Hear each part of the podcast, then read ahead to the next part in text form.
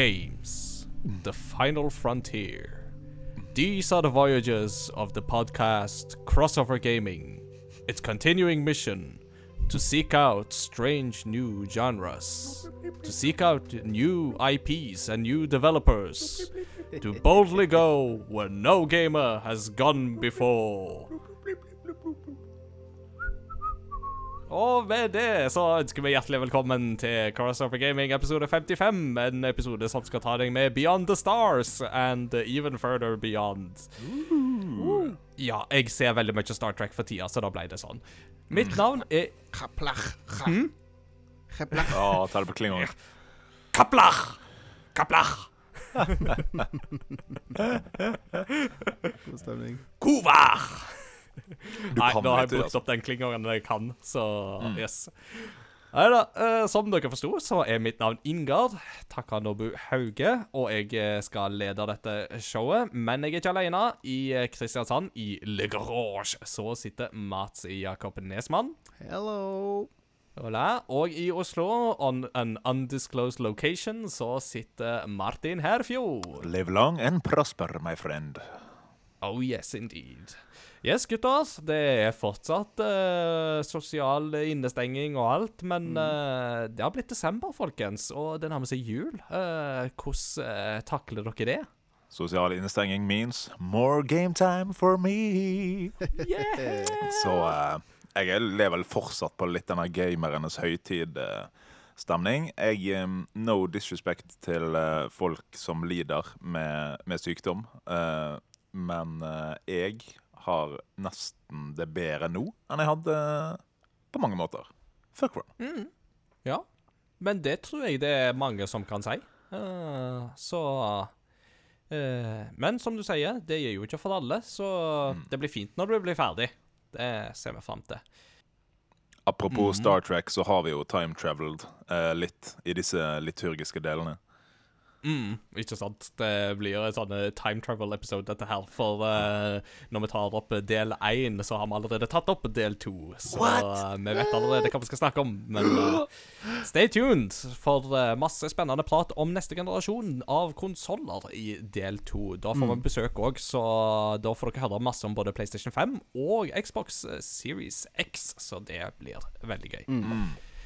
Yeah, Uh, speaking of which, nå har jeg jo faktisk fått PlayStation 5 òg i hus. Uh, så jeg er faktisk av de uh, veldig heldige. Ja, så både PS5 og Xbox Series X er nå kobla opp. Men det er Desember er ganske travelt når man jobber innenfor høyere utdanning, så det er masse eksamener og sånt å ta hensyn til. Så når jeg har kommet hjem, så har jeg vært så sliten at det bare var sånn Nei, jeg orker ikke. Så jeg fikk satt den opp først i går, uh, og jeg har egentlig bare satt den opp og liksom starta den opp og sett på menyen og sånt, men jeg har ikke spilt noe på den ennå. Skulle til å si at jeg var glad på dine vegne før du tok opp det med at det er sånn «Ah, Jeg har ikke lyst til å spille på den. Så jeg bare sånn her eh, Mens jeg er sånn La meg spille! Det er sånn jeg har det hele tida, det. Jeg orker aldri. Ja, ja. Setter meg ned i sofaen og orker ikke spille. Det Mm. I know how you feel. Ja, men for det- meg så varer det bare to-tre uker om gangen. Og mine barn de er 20 pluss og burde vite bedre. Katter? Nei da. Ja. Eh, bortsett fra det så vet jeg ikke om jeg har liksom så veldig mye sånn uh, hot takes uh, sånn siden sist. Men Mats Jakob, du må jo nevne en ting som du har holdt på med siden sist. For du har jo vandret dypt inn i lydbøkenes verden. Ja, jeg har Siden sist så har jeg brukt veldig mye av min fritid på å høre på lydboka av Ready Player 2. Det er jo da den eh, flotte boka av Ernest Klein. Mhm. Lest av Will Wheaton. Og det er jo Jeg var helt oppslukt av den første boka. Jeg hørte den sikkert ti ganger, leste den to. Syns mm. den er helt eh, fantastisk eh, bra bok. Veldig sånn Treffer veldig nerve hos eh, Spesielt meg, men også hos mange andre gamere og nerds generelt. Sånn at eh, det er Toren er ganske spennende.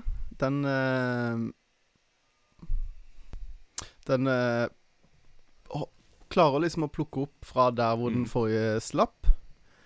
Um, og klarer liksom med en gang å skape noe nytt eh, og spennende i boka. Noe som jeg var veldig bekymra for. At eh, Jeg tenkte veldig mye på hvordan skal han klare å, å finne på noe eh, Mm. nytt her. Noe mer spennende. Men jeg klarer ganske raskt å liksom utvide verden og gjøre det spennende. Og boka er jo Mm. lest av Will Wheaton, Wheaton! og han gjør en eh, minst like god jobb som han eh, gjorde sist. Eh, det eneste som er den boka her, er litt mer eh, Det er litt mer eh, for eh, Den er for litt eldre enn den forrige. Det er litt banning og litt sånn eh, seksuelle referanser og, og sånne ting. Så den er ikke for eh, Den er ikke for sm unge ungdommer lenger. Den er for eh, litt større ungdommer. Så da har det en, da har en 15 års aldersgrense, så alle over 15 må gå og legge seg. Mhm. Ja, det Den er for litt større barn, men eh, Men det tåler vi. Mm. Jeg har liksom ikke lyst til å spoile noe eh, fra boka. Eh, sånn at eh, hvis du likte den første, så kommer du ikke garantert, men mest sannsynlig til å like denne. Eh, og hvis du kun har sett filmen, så les bøkene. Ja, det var min lille Mm. tale. Mm. Sweet. Mm. Ja, Martin, har du noe visdom å dele med oss før vi setter i gang? Jeg har jo alltid fått høre at jeg er så vis, og det er på en måte eh, Til og med kroppen min forteller at jeg er for vis nå, når på en måte den prøver å presse ut eh, visdommen som jeg har eh, først og fremst i munnen min. Eh, Så jeg måtte jo da eh, utsette en tannlegetime nå eh, for å kunne være med på denne podkasten, for det kommer jo overalt i livet, selvfølgelig. Um, Yeah. Her snakker vi dedikasjon. ja, ja, ja. Og fordi jeg har en eksamensoppgave jeg sitter med, så jeg får ikke gamet så mye som jeg vil. Um, så 14. desember, da begynner livet mitt, og Yeah. litt sånn Da Til neste episode, da har jeg gamet så mye at uh, mm, mm, Da skal det tyte ut av ørene på deg. mhm. Men det blir ikke jul helt men det blir ikke jul vet du, helt ennå før eh, når, altså når du er ferdig med eksamen. For det blir ikke jul før Hans Gruber faller ned fra Nakatomi Plaza. Det er vi alle enige om. Mm, oh, Die Hard is the best. I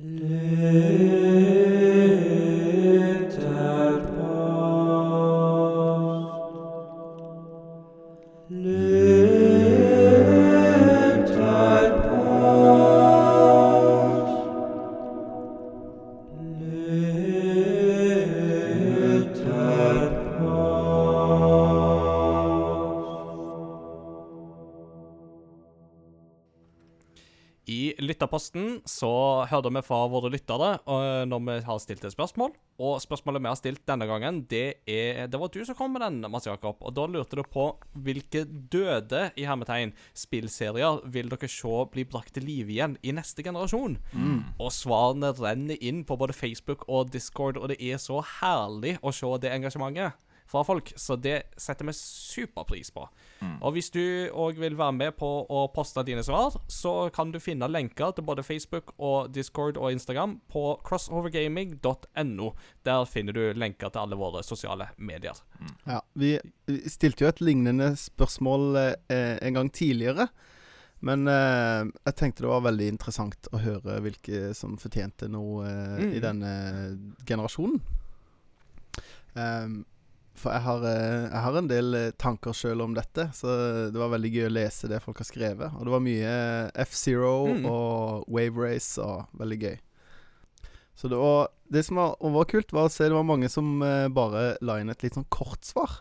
Bare skrev eh, Dragon Age, for eksempel.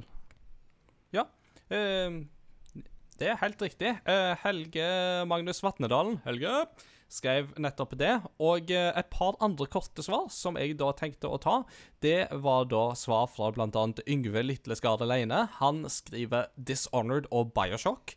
Det syns jeg var et eh, veldig godt eh, svar å skrive. Og Terje Kello, som ikke har kommentert hos oss før, så langt jeg vet, skriver 'Dino Crisis'. Så det er òg et veldig bra alternativ. Mhm. Mm. Så ja, hvem av dere har lyst til å ta neste post? Kanskje Martin har lyst til å bidra? Jeg kan jo ta fra vår alles eh, Kjetil Austad Kjaus, som eh, hvis han holder oppe streiken, snart begynner å nærme seg Åsmund i jingle-basert eh, svar her. Men tidlig på 2000-tallet, rundt den tida der Starcraft og Warcraft 3 sto meget høyt i kurs hos meg, annonserte Blizzard-spillet Starcraft Ghost. Kjetil, 13 år, var mer hyped for dette spillet enn noe annet. Ghost skulle være et tredjepersons stealth action-spill i samme kategori som Splinter Cell eller Metal Gear Solid, satt i Starcraft-universet. Dette var på den tida der Command and Conquered Renegade var et av mine yndlingsspill, så jeg hadde sett hvor magisk overgangen fra RTS til 3 PS kunne være. Det kom noen få gameplay-bilder og en cinematic som jeg så om og om igjen. Blizzard er god på de. Det var nok til å holde hypen levende, men ventingen var forgjeves. Starcraft Ghost-prosjekt gikk opp i røyk i 2006. Nå skal det jo sies at Blizzard hadde et annet veldig stort prosjekt på gang. Hint, det holder på fortsatt. Men vi fikk aldri noe Ghost. Eh, han hinter kanskje til Overwatch der. Uh, Wall of Warcraft? Ja, det var WoW han tenkte på, ja, selvfølgelig. Eh, så mitt svar er Starcraft. Et helt nytt spill satt i Starcraft-universet hadde vært magisk. Eh, ja. Ehm, så jeg er helt enig med Kjetil der. Ehm, Mm. jeg har bare sett på Starcraft, så hvis det kommer et nytt spill, så eh, vil jeg prøve det ut, for jeg liker jo Blizzard. Mm. Og jeg er jo blant de som syns det er veldig synd at Starcraft Ghost aldri ble noe av. Uh, for RTS-sjangeren er jo en sjanger som blir fort litt kaotisk for meg. Men den third person stealth eh, shooter-saken som de hinta til med Kerrigan Nei, ikke Kerrigan, men Nova i hovedrollen. Eh, det tror jeg absolutt kunne vært noe som jeg kunne hoppa inn i og satte veldig pris på. Eh, ikke minst fordi at Blizzard er veldig gode på forteller, eh, spillfortellinger. Mm. Yes, da kan jeg lese neste. Mats Jakob? Um, da leser jeg fra Anders Lønning. Ja. Han skriver Castlevania. Bloodstained Curse of the Moon-spillene i hvert fall Mm. er veldig bra, men Miriam, Sangetsu og Gable er ikke Trevor, Alucard, Saifa eller Grant. Jeg vil ha Belmonts Vampire Killer, Dracula og håndlangerne hans Mann med ljåen, Frankenstein, Shaft og Medusa. Jeg er veldig, veldig enig med Anders her. Det er Mm. jeg savner et godt uh, 2D Castlevania-spill. Og uh, Mm. de uh, Curse of the Moon 8-bit-spillene, de, var, de synes jeg var veldig gode. Så jeg vil ha mer av det. Og Castlevania trenger en uh, triumphant return. Mm. Mhm. Absolutt. Og jeg tenker jo særlig nå som Castlevania har hatt tre gode sesonger på Netflix, og sesong fire er under utvikling. Altså, Castlevania er on a roll, eh, og er blitt veldig aktuelt igjen. Og jeg syns absolutt at Konami burde komme på ballen og eh, lage noe mer enn bare ballspill. altså lage mer enn bare PES, eh, men faktisk eh, lage um, Lage en um, Castlevania igjen, rett og slett. Så Mm. lage spill. Det mm, Konami, vi venter på dere. Ja, Mhm. her forleden så ble jeg følte meg så lurt. Jeg satt og så på Aston Villa-kamp, og plutselig så ser jeg at det er Konami-reklame. og eh, det var reklame for Pro Evolution Soccer, og eh, da ble jeg, følte jeg meg lurt. Da tenkte jeg nå må de skjerpe seg. Ja, ja, ja. Det, de trenger å lage noe annet enn eh, Lage noe ordentlig. Og komme tilbake igjen. Det, jeg kan ikke drive og lure meg sånn. Og det er mye PlayStation og Fifa-reklamer. Det skal jeg love. Ja, absolutt. Det er sant. Martin, eh, jeg har på en måte lest mine svar i nå, så kanskje du vil ta neste?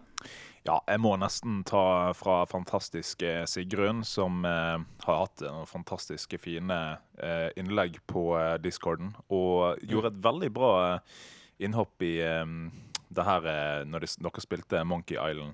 Hva heter det nå igjen? Ja. Retrospill. Retrospillauget. Eh, Ja. Veldig bra jobba av eh, Sigrun. Enig. Det som er litt gøy, er at hun, um, hun skriver jo her eh, litt sånn eh, mystisk, sånn at man kommer fram til spillsvarene etter hvert.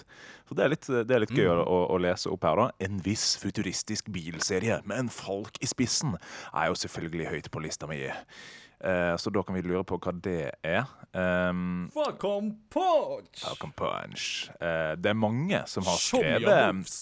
Veldig mange som har skrevet F-Zero. Så det, Mm. F-Zero er jo høyt på i, i vår eh, skare Ja. sin liste. Ja da. Jeg, jeg tror at uh, vår Discord kommer til å gå mann av huset den dagen Nintendo annonserer noe nytt Altså. Ja, ja, ja.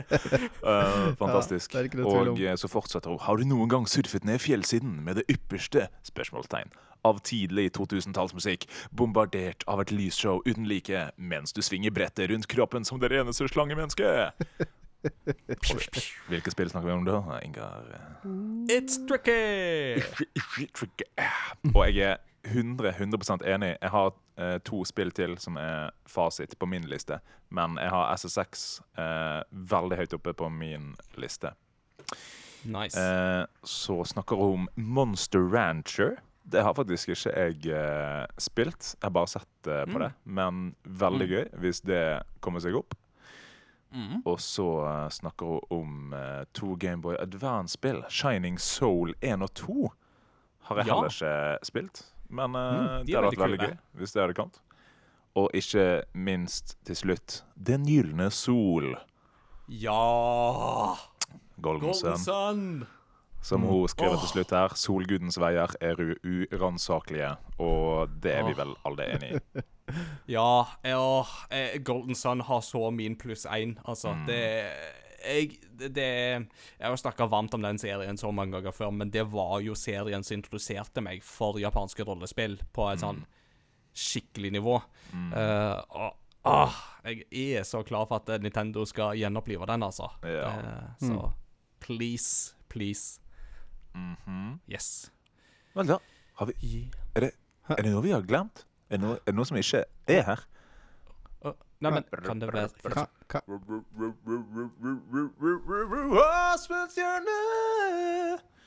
Yeah! Dere trodde vi hadde glemt det, men nei da. Det var liksom ingenting på Facebook, ingenting på Discord, så jeg tok kontakt på Messenger. For vi eh, Åsmund har huska oss i alle år, så Mhm. i dag var det vår tur å huske Åsmund. That's how we roll. Um, og det han skriver, er jo da Jeg er helt enig med Martin. Martin er den beste eh, som Crossover Gaming noensinne har hatt. Og eh, Martin er min favoritt som vil ha gjennom døde. Hæ? Martin vant valget. Uh, what? Er det det han har glemt? Nei da. Eh, topp. Um, Standup-showet mitt kommer snart. Eh, følg med videre. Han skriver Å, shit, det har jeg glemt. Eh, synes det hadde vært konge med en nytt Bioshock og et nytt spill i SWAT-serien. SWAT 4 er kanskje mitt Ja. favoritt-taktiske skytespill. Ken Levin står bak begge spillene. Hmm, Ja. kult. SWAT er lenge siden jeg har tenkt på, men eh, ja, hvorfor ikke? Det hadde vært en veldig gøyal gøy tanke, mm -hmm. syns jeg, da. Mm. Vil dere høre min fasit, eller? Ja, Uh, hva Kan gjerne høre fra deg hva du tenker. Uh, Det er jo på en måte fasit generelt, syns jeg, da. Men uh, som uh, Sigrun nevnte, SSX må komme. Um, Rayman 3D. Rayman Mm. 3D. Lagd så mange bra spill. Det må Mm. komme. Ja. Og kanskje en av mine favoritter Eh, på 64. Det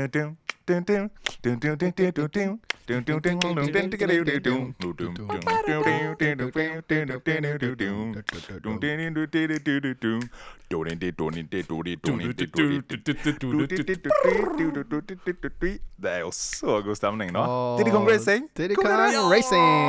Hvor er det? Det er kanskje litt for likt Mario Kart for Nintendo, men altså det er jo mer eh, litt sånn der variasjon og skyting og liksom der eh, Litt mer action, liksom. Altså, jeg trenger, meg. jeg, jeg trenger flere blå elefanter som kommer til meg og sier 'Hello, friend. Select your vehicle. Can I help you further? Bye-bye for now. Mhm. Ja. I need this in my life'. Og litt sånn Conquer uh, racing og Ja, ja, ja. Fantastisk. Det veldig kult. Ja. Inga, hva Yeah. tenker eh, hva, hva er din uh... Mats Jakob. Ja, hva er dine eh, svar? Hva, hvilke Ah, ja. spill vil du ha tilbake?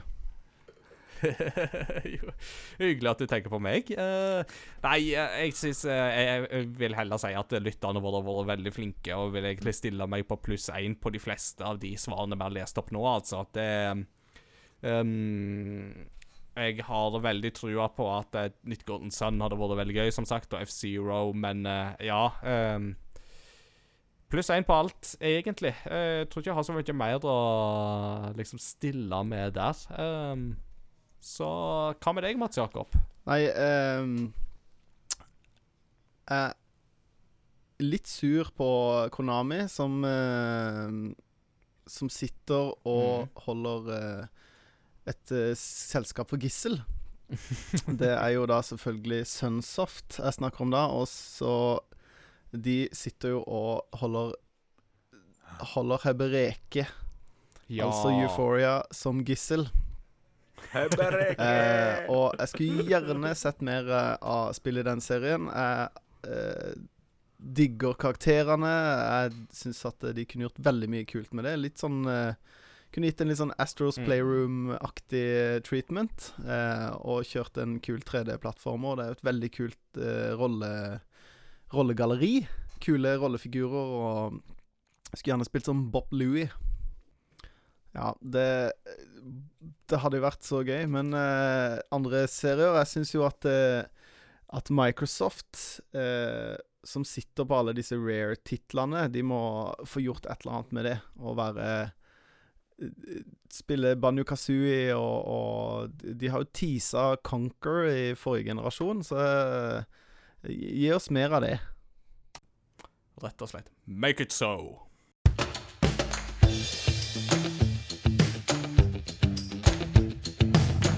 What you been playing lately? What you been playing lately? What you been playing lately? What you been playing lately?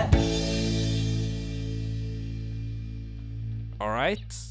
Da føler jeg at jeg sier all right nesten i begynnelsen av hver nye spalte i de siste ti episodene. Det er noe jeg har tenkt på. Uh, men eh, det var ikke det jeg tenkte mest på nå. Uh, jeg tenkte på hva vi har spilt siden sist. Martin? Og kan du variere av og til med å si Alrighty then? Righty then. Yes. Thank you. Det skal vi kunne klare. Nei, ja, men får se. Jeg kan, eh, jeg kan begynne. Uh, jo. Ja, du, du kan jo bare begynne, Martin, syns jeg. Eh, Yes. Engage. Yes. Um, som nevnt i det triste hjørnet med oppgaveskriving og tannsmerte. Uh, det er to ting jeg har på en måte utsatt for å kunne bestå denne oppgaven. Og det er Wow Shadowlands. Mm. Uh, og det er Football Manager. Som Mm. uh, begge har kommet ut nå, som jeg bare venter. Ja. Jeg har kjøpt det, jeg bare venter med å spille det. Oh, Eh, så da har det det gått til eh, noe som tar mye mindre tid å spille. Divinity 2, Original Scene. Det tar jo ingenting tid å spille. Ja, for det er jo ferdig på tre timer. Det ikke? Yes, For det var jo i backloggen eh, Jeg fikk det av Sjaus, faktisk. Eh, Sjaus! Saus. Eh, som er litt sånn derre eh, Jeg føler på en måte det er et obligatorisk spill, for det er så bra, liksom. Det er liksom De fleste bør spille det, liksom. For det er Mm. det beste du får av role-playing eh, top down, liksom. Um, og det er jo så gøy. Men nå har jeg jo satt det på vent til oppgaven er ferdig. Mm. Så jeg har spilt uh, World of Warcraft med Kjetil på sånn uh, Ja, ikke Shadowlands, men uh, Mm. andre ting. Og Christian. Kristian. Og så har jo Heartstone kommet ut med en ny expansion, eh, der jeg ble legend. Men uh, no stress med det. Um, og i Fifa har jeg fått mitt første icon, og for de som vet hva det betyr, så uh, kan dere gratulere meg på Discord. Og eh, jeg har jo ikke noe liv fram til den oppgaven er ferdig, men uh, yes. Gleder meg til å høre hva dere har spilt. Ja.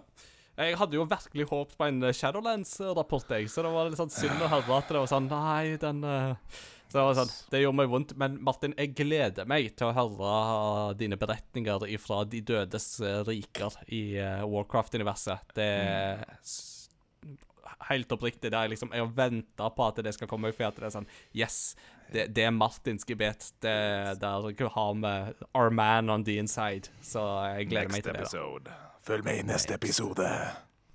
Følg med. Følg med. Mats Jakob, du da? Jeg har eh, Siden sist så har jeg spilt uh, Hyrule Warriors. Ja. Jeg begynte med å spille demoen uh, som jeg snakka om i forrige episode, og uh, har fortsatt på storyen der. Det er skikkelig, skikkelig gøy. Og litt ut ifra det du snakka om sist, Ingar, så begynte jeg med å spille som Lady Orabosa. Eh, og spiller den biten der, og syns at det er kjempegøy å utforske det universet der. Mm. Og eh, det er veldig gøy å spille som Robosa, for hun er jo så powerful. Mhm. Og så er det veldig kult å få vite litt mer om denne her eh, Giga-klanen. Yu-Gi-Oh! Det er ganske gøyalt. um, og liker det spille skikkelig godt. God spillmekanikk. Det er fast pace. Du føler det er veldig sånn kraftig og powerful. Så det anbefaler jeg sterkt. Eh, ellers så har jeg begynt å spille Chrono Trigger Yes. til Retrospillauget. Og hvor kan du bli med på det, forresten? Eh, Retrospillauget kan du finne på Discord. Så sjekk det ut, så finner du ut mer om det der. Nei, jeg begynte jo med å skulle spille det her spillet Jeg fant ut jeg skulle spille det på TV-en i huset, på HD-TV-en, og da Det var jo helt grusomt. Det ble jo sjøsyke av å se på det, og Ja. frameraten var helt krise, og du kunne se scanlines og sånn, så det, det varte ikke veldig lenge.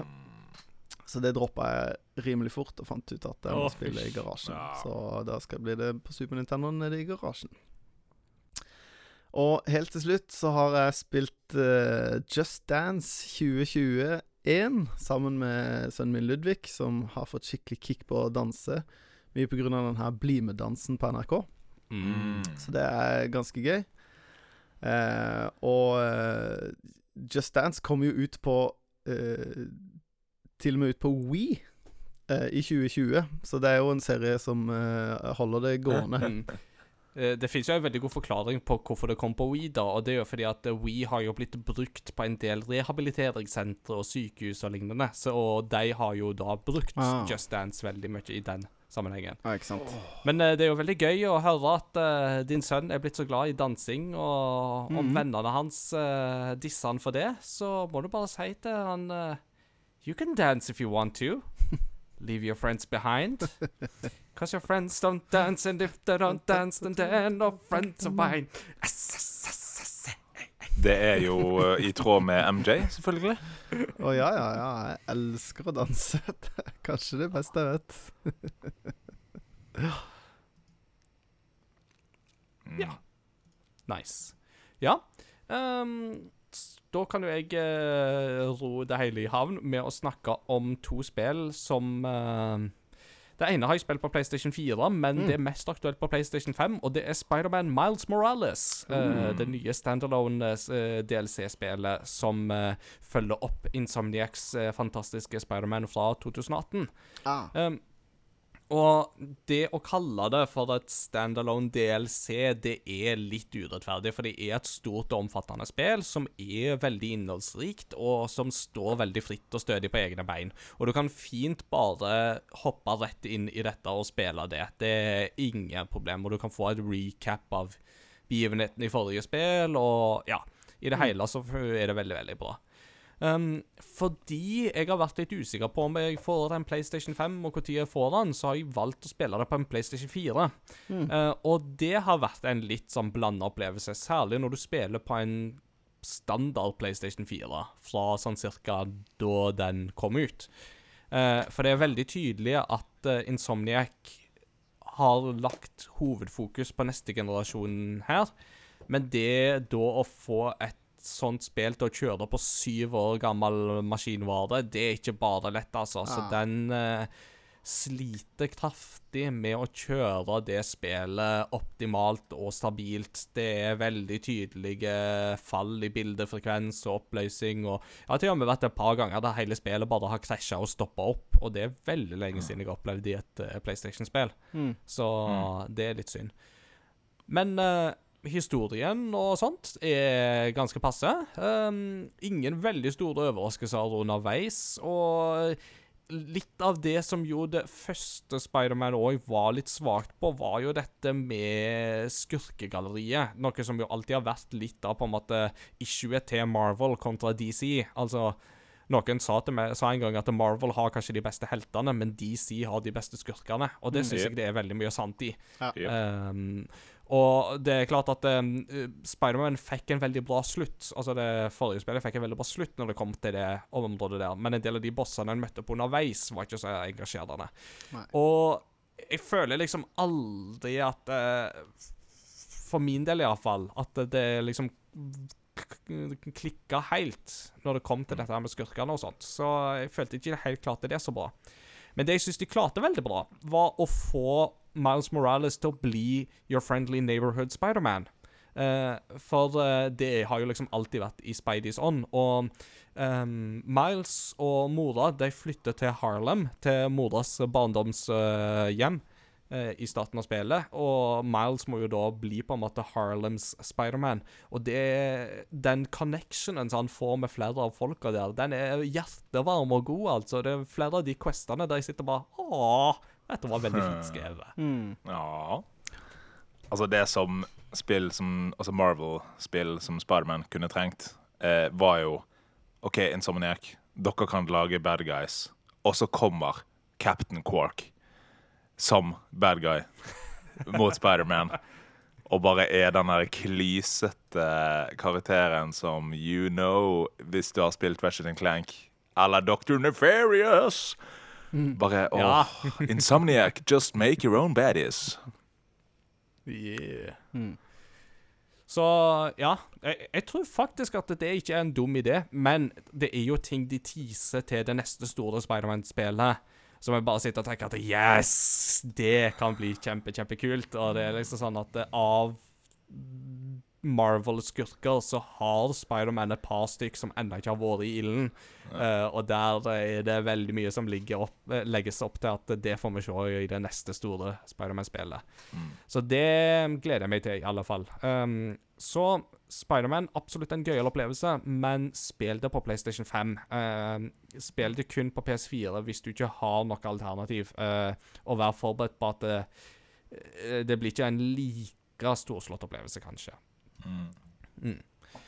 Og så har jeg jo spilt Chrono Trigger uh, i retrospillauget. Jeg spiller da Steam-versjonen på PC, og det fungerer faktisk overraskende greit. Kult. Spiller det med en Xbox-kontroll i neven, og klarer det veldig fint. Jeg hadde jo lyst til å spille det på japanske Super Famicom uh, sjøl, oh. men uh, fordi det spillet har så mye tekst, så er det en del kanji inne i bildet. Altså sånne japanske tegn uh, som jeg ikke er like flink på å lese som det jeg eh, skulle ønske. Um, det kunne gått, men det hadde tatt veldig veldig lang Mm. tid. eh, eller det ville gått mye treigere. Og når vi skal spille dette i fellesskap, så syns jeg at eh, jeg må ha litt tempo på det. Mm. Men jeg fikk lyst til å spille det på Super Famicom, så kanskje jeg gjør det rett etterpå. Vi får se. Um, men eh, et av de spillene jeg har brukt kanskje mest tid på, det er da uh, Crash Bandicoot 4, It's About Time, som jeg da har innvia Xbox Series X med. Så dette er jo ikke et uh, Series X-eksklusivt spill. Det var et veldig vanskelig ord å si. Series X-eksklusivt. Uh, det er jo ute på um, Xbox One òg, men det er jo da parallelt over at det er veldig lett å bare um, plugge det spillet i og spille. Og jeg må si at um, etter å ha vært veldig frustrert til tider med Crash Bandicoot Insane Trilogy, så vil jeg si at det var verdt det. For Crash Bandicoot 4 er faktisk veldig gøy. Eh, det er fargerikt, det har mye humor, det har mye sjarm. Det har en story uh, som faktisk er litt gøy til tider. Det er jo da Neocortex og Entropy og den onde masken Uka Uka som uh, da slipper løs fra sitt fengsel i fortiden. Skaper en rift i tid og rom, som da finner ut at å hei, kanskje vi skal ta kontroll over alle dimensjonene i multiverset, ikke bare én av de. Eh, og dermed så begynner de på en modu modul da som Crash og Coco og Aku Aku må legge ut på en reise i tid og rom for å finne de fire andre maskene som kontrollerer livet, universet og alt mulig. Så når de da sier 'It's about time', så er det jo da et ordspill, fordi at uh, dette er oppfølgeren vi har venta lenge på, men så handler det òg om tidsreiser. Yes. Uh. Um, og en veldig gøyal ting er jo dette her med at uh, på et tidspunkt så får Crash og Coco De får spørsmålet How many guy times have you beaten Neo Cortex again? Three. Just three. Really? Only three? It seems, it seems there, there's more. Uh, og det er veldig gøy, da, fordi det er litt sånn at uh, Toys for Bob, de som har laga nå Crash 4, de anerkjenner da kun de tre første spillene, og alle disse her spillene som kommer etterpå, de er bare sånn Nei, nei de fins ikke. Det, det er bare tre ganger. Det er kun det. Så det er veldig gøy. Men, men det er jo vel laga i samme ånden som den originale trilogien, som Toys for Bob var med på å eh, remastere til um, Insane Trilogy. For den var det jo Vic Vicarious Visions som gjorde, men de har vært opptatt med Tony Hawks Pro Skater 1 pluss 2. Så da er det Toys for Bob som har fått det ansvaret. Og de har gjort en veldig god jobb, altså. Det er mye gøyal hopping og plattforming og manøvrering. Det er fortsatt til tider ekstremt vanskelig hvis du skal klare å få tak i alt og sånt. Men det føles mindre urettferdig nå enn det det gjorde med de gamle spillene. Jeg føler mindre at det er sånn å, jeg dør fordi pga. dårlig planlegging og dårlige kameravinkler og treige kontrollere. Det er kjappe, responsive kontrollere og um, bevegelser, og flyten er god og Ja, i det hele. Det er en veldig, veldig gøyal opplevelse. Jeg har kost meg mer enn det med Jeg har kost meg mer med det enn jeg hadde forventa på forhånd. Så det er absolutt artig. Det har litt av den der um, En gøyal ting som de har lagt til, er at uh, du kan nå hoppe oppå sånne skinner og så gli bortover, som hvor du liksom hopper over hinder og sånt. Og det gir litt sånn Donkey Kong Country-vibes. Mm. Sonic Adventure. Hvis Konge. du tenker på disse her uh, Minecart-seksjonene. Eh, Jeg tenker med en gang på Sonic Adventure-spillerne. eh, Sonic Heroes og de 3D Mm. Sonic Hero-spillene. ja, det, det er faktisk mest det det er likt på, egentlig. Men Ja. uh, min assosiasjon gikk til Donkey Kong Country. Men det Mm. sier jo bare hva jeg har spilt mest, så Ja, jeg har ikke Deilig. spilt de så mye heller, da, men mm. Ja. mm.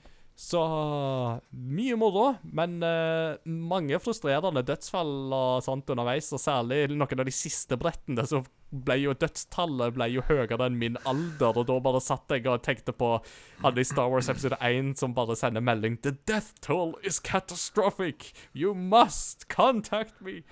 Ja, ja, ja. Og sånn. Yes, You I died. I feel you. Wasted. Så yeah. Nei, men uh, Crash Bandicoot 4, veldig artig. Uh, tommel opp på den. Um, du kan bare hoppe rett inn. Det trengs jo ingen forkunnskap, så du trenger ikke å gjøre sånn som jeg har gjort det. Men uh, hvis du har savna et spill i den gamle Crash Bandicoot-ånden, så må du bare hoppe på. Altså, dette er det du har venta på. Så Fett. yeah. Hmm. Skal vi ta en pause før vi snakker om nye konsoller, folkens? Eller hva sier du, Martin?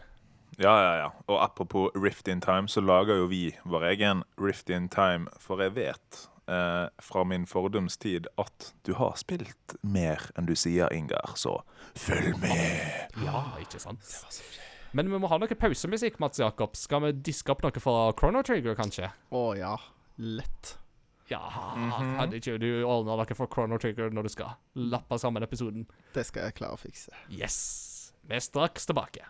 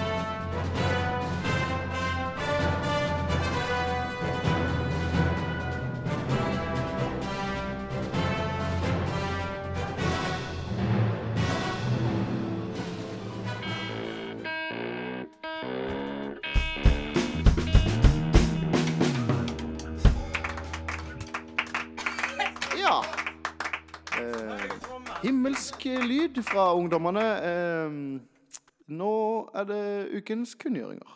Da er vi tilbake etter pausen, og i del to så har vi fått uh, gjevt og celebert besøk. Eh, nå har vi nemlig fått besøk av eh, The Big Boss herself. Det vil si, hun er min sjef i Game Rector, så hun kan sparke meg når hun vil. Hun har veldig stor makt. Kommer hun til å gjøre det mens vi tar opp eller ikke? Hvem vet? Den som lytter, får høre og se. Ta godt imot Silje Marie Slette. Sammen! Hallo! hei, hei. Velkommen til oss. Hei, takk. Ja. Long overdue, får vi si. Nå har jo Eirik vært på to ganger allerede, så det var på tide at du stepped it up og ble med. Ja. Det var ikke vanlig at jeg gjør det her, altså. Nei men eh, det er veldig kjekt å ha deg med. Vil du bare gi et par eh, pinpointers om hvem du er, og hva du holder på med, og hvor lenge du har vært i Game Reactor, og favorittspill, og Ja, så jeg har vært i Game Reactor eh, som sjefredaktør i snart to år. Eh, var skribent i ca. to år før det òg. Så det begynner å bli en stund, faktisk. Eh, Mm. Favorittspill er eh, selvfølgelig Souls-serien. Uh. hey, hey. kunne ikke levd uten dem. Og nå har jo Wow. Demon's Souls vært eh, det spillet jeg har spilt veldig mye i det siste. Du kunne ikke levd uten det, men du dør veldig mye, da. Ja. det er sant. Jeg satt og tenkte og tenkte hvordan kan jeg gjøre dette til noe gøy. Martin steps up Ja, kan- og tar ansvar. Kan ikke leve i, uten det, kan ikke leve i det, var det jeg tenkte på. Men ja. Mm. Og så sitter du jo med en gedigen spillsamling bak deg, da, Silje. Hvor mange spill eh, vil du si du har i denne bokhylla bak der? Oi. Uh, den ble jo kombinert da når vi flytta sammen, jeg og Tommy. Så Mm. jeg hadde jo minst 600 spill sist jeg telte, og det har blitt en del mer nå. Og han hadde vel ca. Samme, samme antall. All right. Så ble det mye duplikater, eller? det er noen duplikater, men vi har veldig forskjellig spillsmak, så det er ikke Ah. så mange, egentlig. Så Duplikater, fusjonere- Fusjonere et bibliotek, og så blir det bare større og ikke dobbelt. Det er jo helt topp. Mm. Det er veldig gøy med at uh, Det som er veldig gøy med å ha Silje som sjef, er at vi er like glad i Eller vi er minst like stor samlemani begge to. Så når vi er sånn at, 'Å, se på den fine tingen, skal vi kjøpe den?' Og det er bare sånn, ah. Så vi jeg tror vi har sånn gjensidig sånn at du har endt opp med at jeg har blakka meg, og jeg har kanskje følt at du har blakka deg litt, og ja, det går begge veier. Så sitter Tommy på sidelinja og river ut håret sitt, liksom. Ja, men altså, jeg kjøpte jo Bubble Bubble til han da jeg var i Japan, så det stemmer. Yes. Nice. All right. Eh, du er jo med for at eh, vi skal snakke litt om eh, den neste generasjonen med spill. Men før vi kommer så langt, så skal vi bare ta et par kjappe nyhetssaker som har vært siden forrige episode, som er verd å nevne. Eh, den første saken som jeg hadde lyst til å nevne, er at Mark Laidlaw, som var designer for Dragon Age og regisserte Dragon Age Inquisition, har gått i bresjen for å danne et nytt studio som heter Yellow Brick Games. Eh, og her tar han med seg noen veteraner for både BioWare og Ubisoft.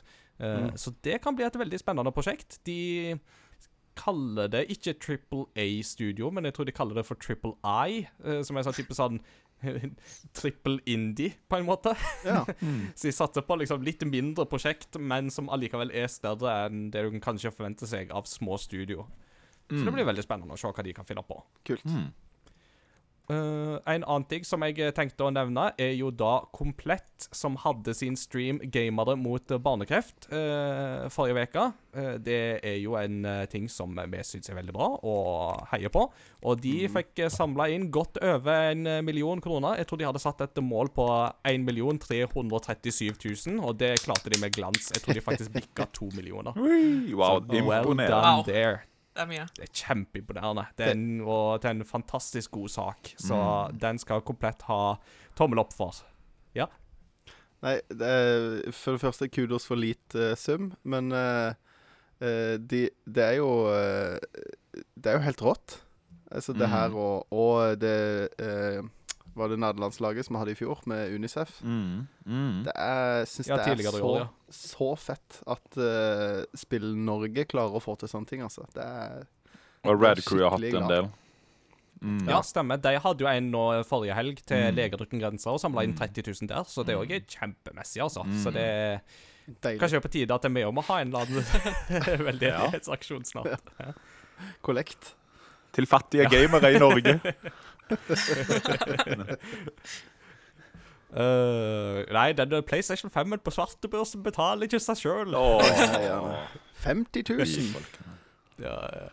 Nei, um, en siste liten nyhetssak som jeg tenkte jeg måtte ta med. Den måtte vi jo ta med fordi du, Mats Jakob, er jo så glad i Pokémon-kort. Ja, jeg ble Eh, glad og når jeg der har det jo skjedd noe nå den siste veka, nemlig Yuri Geller, uh, illusjonisten som i sin tid gikk til søksmål mot Nintendo pga. Kadabra-kortet. Hmm. Eh, han eh, var ikke så glad i Kadabra fordi um, det japanske navnet på Kadabra er noe sånn som Yurigera, eller noe sånt, som da ligger veldig nært Yuri Geller. Eh, I tillegg til at Kadabra sitt spesialangrep er jo å bøye skeier, som jo er hovedillusjonen til Juri Geller. Så han gikk ut til sak og forbøyde de å lage flere Kadabra-kort, men nå har han da tvitra at uh, han angrer på sine synder. Nå syns han Nintendo skal få lov å gjøre det igjen. Uh, Det jeg tipper at det er litt fordi at ingen har hørt om Juri Geller siden 2003, da han gikk til sak mot Veldig godt mulig. Ja.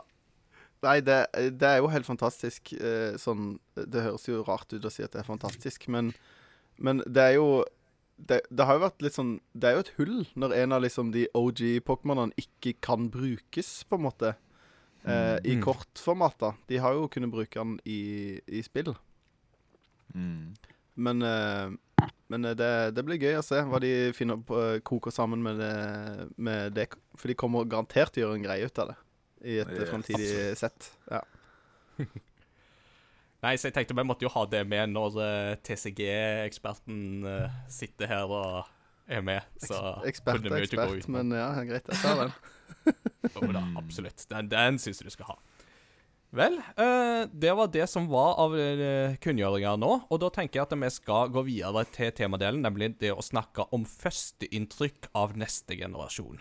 Eh, Silje, du er jo av de i Norge som har hatt PlayStation 5 ganske tidlig. Eh, Yes. Og jeg eh, fikk eh, Xbox eh, Series X på omtrent ved lansering. Så det jeg tenker at vi skal gjøre nå, er at eh, Martin og Mats Jakob her De skal få lov å stille sine spørsmål om disse konsollene, og så skal vi svare på de etter beste evne. Og da tenker jeg at eh, Da syns jeg vi skal begynne med PlayStation 5. eh, og da, Martin, da er du klar med spørsmål allerede? Yes, jeg er jo veldig, veldig glad på deres vegne at dere har fått tak i disse, og ikke jeg. Så jeg er veldig glad og eh, bare fornøyd på deres vegne. Eh, Strengt tatt er det bare Silje som har fått den, da. Eh, Ja, jeg har jo måttet betalt av mine egne penger. ikke sant, ikke sant. Jeg skal eh, til Christian og prøve på lørdag, eh, så jeg får, eh, jeg får prøvd. Um, nei, men kanskje først PS5 og Silje, da. Jeg er jo veldig nysgjerrig. Kan du si litt om førsteinntrykkene dine? litt sånn når det gjelder brukeropplevelse, åpningsskjerm, loading-tid, interface og generelle førsteinntrykk? Ja, altså Lastetiden i hvert fall er jo helt sykt korte. Mm. Uh, Tell me jeg more. fant jo meg selv På PlayStation 4 så satt jo jeg ofte og bare bladde gjennom sosiale medier hver gang jeg loada et eller annet. Men det skjer aldri nå lenger. Mm. Uh, og liksom å loade opp et spill, det tar tre sekunder, og så er du i gang. Og det er helt fantastisk. Dette showet er sponset av Sony. Ja, Det, Ja. det burde vært eh, reklame for PlayStation 5. Sliter du med sosial mediebruk? PlayStation 5. Ja oh. uh, hvor var jeg nå? Sorry. Generelle førsteinntrykk, bare. Ja. Uh, jeg har hatt litt sånne problemer med designet på konsollen. Ja. Uh, sel selve det fysiske designet. Fordi det, jeg må ha den stående på et bord, og jeg har jo ikke et bord ved siden av TV-en. Så akkurat nå har jeg den på pulten inn på kontoret mitt, og jeg vil jo helst ha den på TV-en. Mm. Um, på grunn av høyden, da. Og bredden er helt sjuk hvis man skal ha den liggende, så Ja, for den er ganske stor. Den er det. Eh, Den er nesten 40 cm høy. Ja. De der kantene som er ekstra, er jo ganske unødvendige, da. De der toppene. Ja, de to toppene som er opp. Hva er vitsen? Vi fant jo en veldig fin kirke eh, som har akkurat det designet. Eh, så det, det, det passer seg kanskje bedre arkitektisk til bygg enn til en konsoll. ja. Men eh, Det ser jo ut som en Gundam, på en måte. Eller sånn, en eller annen sånn Ja. mekka, japansk mekka med sånn der, eh, sånn antennehorn på toppen. Så når det gjelder eh, Når det gjelder menyen, så syns jeg den funker veldig bra, men jeg skulle gjerne hatt muligheten til å dele ting inn i, eh, inn i mapper, da. Det har ikke kommet ennå. Ja. Mm. ja. Det tar jo ikke lang tid før jeg har en del spill der som plutselig bare roter til hele menyen. Så Ja. mapper må komme. ja, det burde de hatt. Noen sånn favorites og sjangere og sånn. Men eh, ellers så funker sånn. det veldig bra, altså. Det tok Veldig, jo veldig kult. PlayStation 4 tre år før de introduserte mapper, så vi får bare smøre oss med tålmodighet. Ja, Yes. uff da. Veldig, veldig kult. Jeg har jo sett en del av uh, spill uh, som uh, Demon's Souls og Astros Playroom og Miles Morales og sånn. Eh, men det jeg lurer på, er litt det her med konsoll Altså kontrolleren. Som skiller kanskje PS5 mest ut fra Xbox eh, og Switch for øvrig. Ja. Um, kanskje best vist i Astros Playroom, der eh, jeg har sett at det, hvis du går på et visst underlag, så reagerer det på forskjell i hvis det er vått eller glatt eller eh, grovt, og triggeret blir tyngre med de knappene bak på kontrolleren. Og, eh, kan du si litt om de opplevelsene? Astros Playroom viser jo det på beste måte, akkurat nå i hvert fall. Mm. Og opplevelsen er jo helt sjuk. Du føler jo kontrolleren uh, slår deg nesten i hendene når, du, når ting skjer i spillet. Og Ja. det er et, et øyeblikk i Astros Playroom når du har uh, Astro går rundt med en uh, paraply, og det regner. Og du kjenner bokstavelig talt de regndråpene i hånda. Det er Oi. skikkelig rart å kjenne på. Er det, er det en, en, måte en vibrasjon fra kontrolleren? Ja. Du kjenner den uh, sprer seg liksom rundt i hendene dine, og det er skikkelig rart å føle på, men det er også veldig, veldig kult. Wow. Tøft. Uh, men, men jeg synes jo en, en ting som må påpekes her, er jo det at uh, da vi snakket ganske tidlig etter at du hadde fått PlayStationen, så nevnte du jo det at du følte han ikke satt så godt i hendene dine. Eh, Ja. Hva har du tenkt om det? Eh, jeg har jo litt små hender i forhold til de fleste andre, tror jeg. Um, eller de fleste andre menn, i hvert fall. så jeg følte i hvert fall i starten så var det veldig uvant, og jeg følte at kontrolleren var altfor stor for mine hender, og eh, spakene uh, klarte jeg ikke å rekke helt med mine tomler. Så jeg satt litt sånn merkelig eh, posisjonert med kontrolleren. Men jeg har, føler jeg har vent meg litt til det nå. Jeg merker det ikke like mye som jeg gjorde i starten. Men det er absolutt uh, Skulle gjerne vært litt mindre for min del. Åssen er den du- sammenligna med, med, med f.eks. en litt sånn standardisert kontroll som Xbox eller Switch Pro-kontroller? Er, er den større, eller er den bare litt mer sånn klumpete, sånn som den første Xbox-kontrollen som du måtte uh... ha i fanget liksom for å spille med? Den var så svær. Jeg målte den ved siden av en Xbox One-kontroller, og den er akkurat litt større enn en Xbox One-kontroller, og håndtakene er litt mer bua, så hendene dine Ja. får liksom litt mer avstand til knappene enn uh, på en Xbox-kontroller, da. Det er det samme-. Nei, det er jo litt Mm. samme problemene som den første Xbox-kontrollen hadde. Den var jo altfor stor og Ja. sånn rund og klumpete.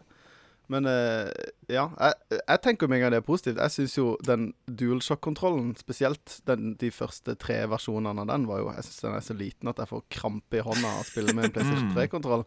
PlayStation 4-kontrollen er bedre, men eh, men ja, der er vi jo, stiller vi jo litt ulikt. Jeg har jo sikkert litt større hender enn deg. Ikke det at jeg har sånn kjempestore hender, men eh, Ja, det, det syns jeg var interessant å høre. Det fikk Ja. meg mer interessert. Kanskje de burde gi ut eh, en mindre størrelse til, for brukervennlighet for et eh, publikum med mindre hender. Altså, jeg kan se for meg at det blir aktuelt, på grunn av at det er jo mange barn som kommer til å spille PlayStation 5 også, som kommer til å slite litt der. Ja, Så jeg håper det skjer. veldig kult. Og det som jeg har jo sett, er at en del spill eh, patcher inn effektene eh, som denne kontrolleren kan gi, spesielt eh, PlayStation Studio-spill. Jeg lurer på om Valhalla har gjort det. Um, det vet jeg ikke helt ennå.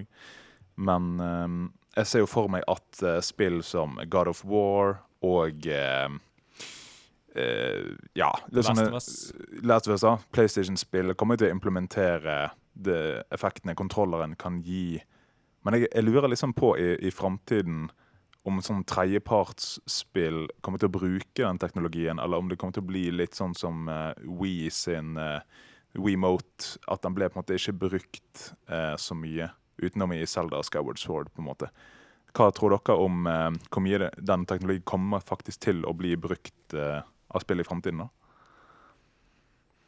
Mm. Skal vi se, Silje, har du noen takes på det?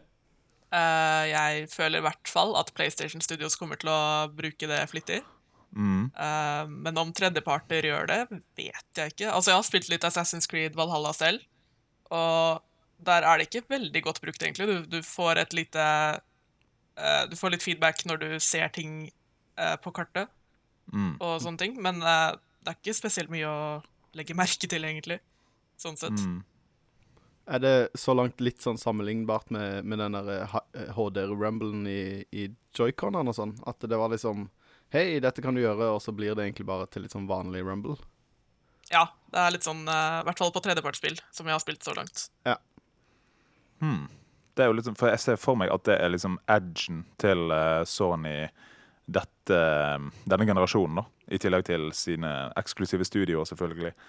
Men uh, en virkelig måte å skille seg ut på, da. Som de bør uh, embrace, i hvert fall med all den rosen Astros Playroom har fått. da. For liksom uh, nytenkning, og at de da kan bli litt sånn der eh, Nærme seg Nintendo i, i, i nytenkningen, på en måte. da. Ja, det Det var i hvert fall noe på gang her. Mhm. Mm. Men yes. nå har vi jo skrytt mye av eh, Sony. Er det noe du kan liksom eh, kritisere eller komme med liksom en liten hake eller noe, liksom? Eh, Ikke bare- ja Uh, Folk påstår jo at konsollen er veldig stille. Mm. Uh, men altså, når den jobber, så er den ikke så stille, egentlig. Nei. uh, den har sine øyeblikk, den også. Og jeg tror at hvis jeg hadde sittet med headset og spilt sammen med venner, så hadde de nok hørt den vifta jobbe noen ganger selv gjennom Mm. headsetet. Mm. Og sånn rent teknisk så har den jo krasja en del ganger. Uh, det var en gang den krasja helt, hvor spillet bare ble helt svart, og så slo konsollen seg helt av. Oi. Og da jeg slo den på igjen, så måtte den uh, reboote hele systemet og gjenopprette filer og alt mulig, så jeg ble skikkelig bekymra. Hvilket spill var det på? Det var Call of Duty Black Ops Cold War. Hmm. Så Det, det var sikkert russerne som gjorde det. The Zombies. Garantert.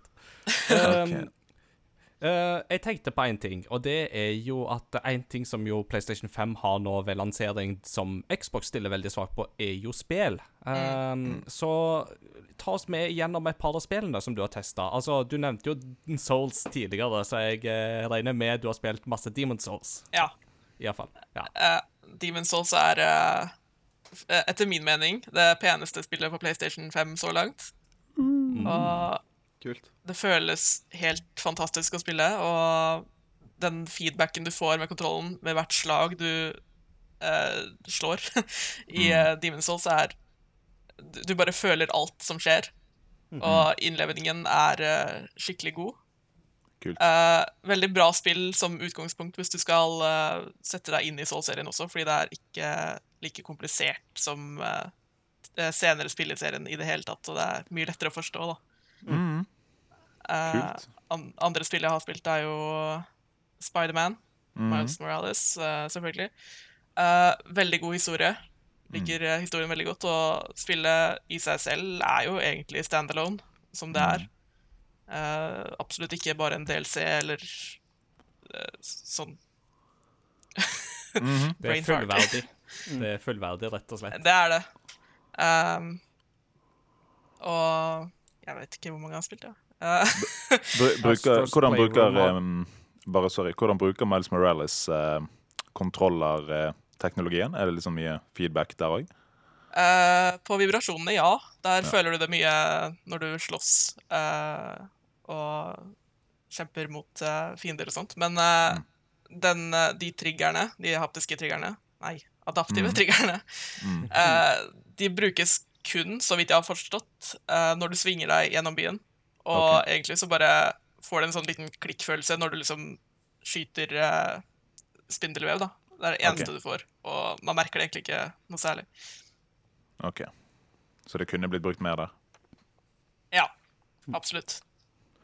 Eh, I uh, Cold Duty. Åssen er de triggerne der med skyting og sånn? For jeg har sett noen videoer hvor det ser helt sånn spinnvilt ut. Når du liksom noen skyter med sånn eh, automatgevær, og så bare triggeren hopper og hopper. Er det, er det, så, er det så vilt som det ser ut sånn i profil? Det, det er det, faktisk. Ja, og kult. det er annerledes for hver, hvert våpen du bruker. Kul, Så når du fett, bruker et maskingevær, så får du den følelsen av at For rekyl, hopper liksom. sånn, eh, Ja, det er ja. veldig fett. Og når du bruker et tyngre gevær, så må du trykke den skikkelig hardt, og du føler virkelig at du bruker det våpenet. da. Ja, Så det, det er med på å liksom heve den spillopplevelsen? Ja, Ja. Men veldig. er det liksom Er det på en måte kult, men ikke Altså hvis du skulle tenkt litt mer sånn online competitive, eh, ville du på en måte helst Ville du brukt det da, eller ville du synes det var bra da, eller ville det bare vært litt sånn Det er kult, men jeg skyter saktere, eller sånn superkompetitivt sett så tror jeg faktisk det ville påvirka eh, prestasjonen til noen. Eh, Mm. Og personlig ville jeg nok slått av for å Ja. Ja. Eh, personlig ville jeg nok slått av hvis jeg skulle hatt reaksjonsevne Det beste reaksjonsevnen, da. Ja. Det blir vel kanskje litt å sammenligne med sånn kompetativ bil-e-sport. Hvis du liksom bruker ratt og, og pedal og den der immersion-greien brukes jo i kompetitive miljø. Så det burde jo vært sånn at eh, det er påtvunget å ha det på i uh, competitive eh, Da blir jo på en måte problemet at du må spille det på PlayStation uh, versus de andre plattformene, da. Ja. Men Ja. eh, Det hadde sikkert Sony vært veldig glad for, da, hvis de tvang gjennom det. At de må bruke det. Ja, for vi snakker jo en ny level av immersion her. Ja. Eh, veldig kult. Er det noen flere spill du vil snakke om, eller? Kan du fortelle litt om uh, Bugsnacks? Ja. Uh, det er sjukt rart. Og det er eh, rarere enn du vil se for deg i trailerne. Og trailerne er jo allerede veldig, veldig merkelige. Mm. Jeg har liksom fått litt sånn syretripp-assosiasjoner av eh, trailerne, så Ja, de er jo Innbyggerne på øya er jo Sorry. Innbyggerne på øya er jo avhengige av disse skapningene som kalles bugsnacks, og Mm. de har jo fått en sånn avhengighet ved at de må liksom spise disse bugsnacksa og forandre kroppsdelene sine til mat. Og det er en som bruker det til forskning på liksom um, Hun har mista benet, Mm. men når hun spiser en bugsnack, så kan hun rekonstruere det benet med de eh, merkelige skapningene. Eh, så hun kan rekonstruere beinet til jordbær eller okay. Hva heter det? Pommes frites eller sånne ting. Wow. Og det, eh, det skal jeg si Det var, det eh, Jeg skulle prøve å beskrive det spillet til noen, og da var det litt sånn eh, Beste måten jeg klarte å liksom beskrive inntrykket, da, var eh, som om at noen på en syretripp skulle på en måte forklare eh, Banjo Kazooie, men blanda det med det PC-spillet Spore. At det var sånn derre Helt sånn At det var helt sånn Alt der var helt sånn fjernt. Eh, Ja, det men det høres jo- høres jo fjernere ut enn det egentlig er, som du sier. Plutselig så har du pommes frites-bein og jordbærarm, liksom. Det er jo ja, du merker jo at jeg sliter med å forklare spillet sjøl, så det er Ja, ja, ja. Wow. Men eh, Bugsnacks må spilles for å forstås. Jeg kan anbefale å spille det, fordi historien er ganske interessant òg. Og. Stilig. engasjerende og verdt å spille gjennom. Det er jo fett gøy. når de klarer å ta et sånt utrolig sært konsept og faktisk lage et engasjerende spill. da At ikke det bare er sånn Hei, se her, vi har gjort dette. Mm. Uh, det er jo Ja.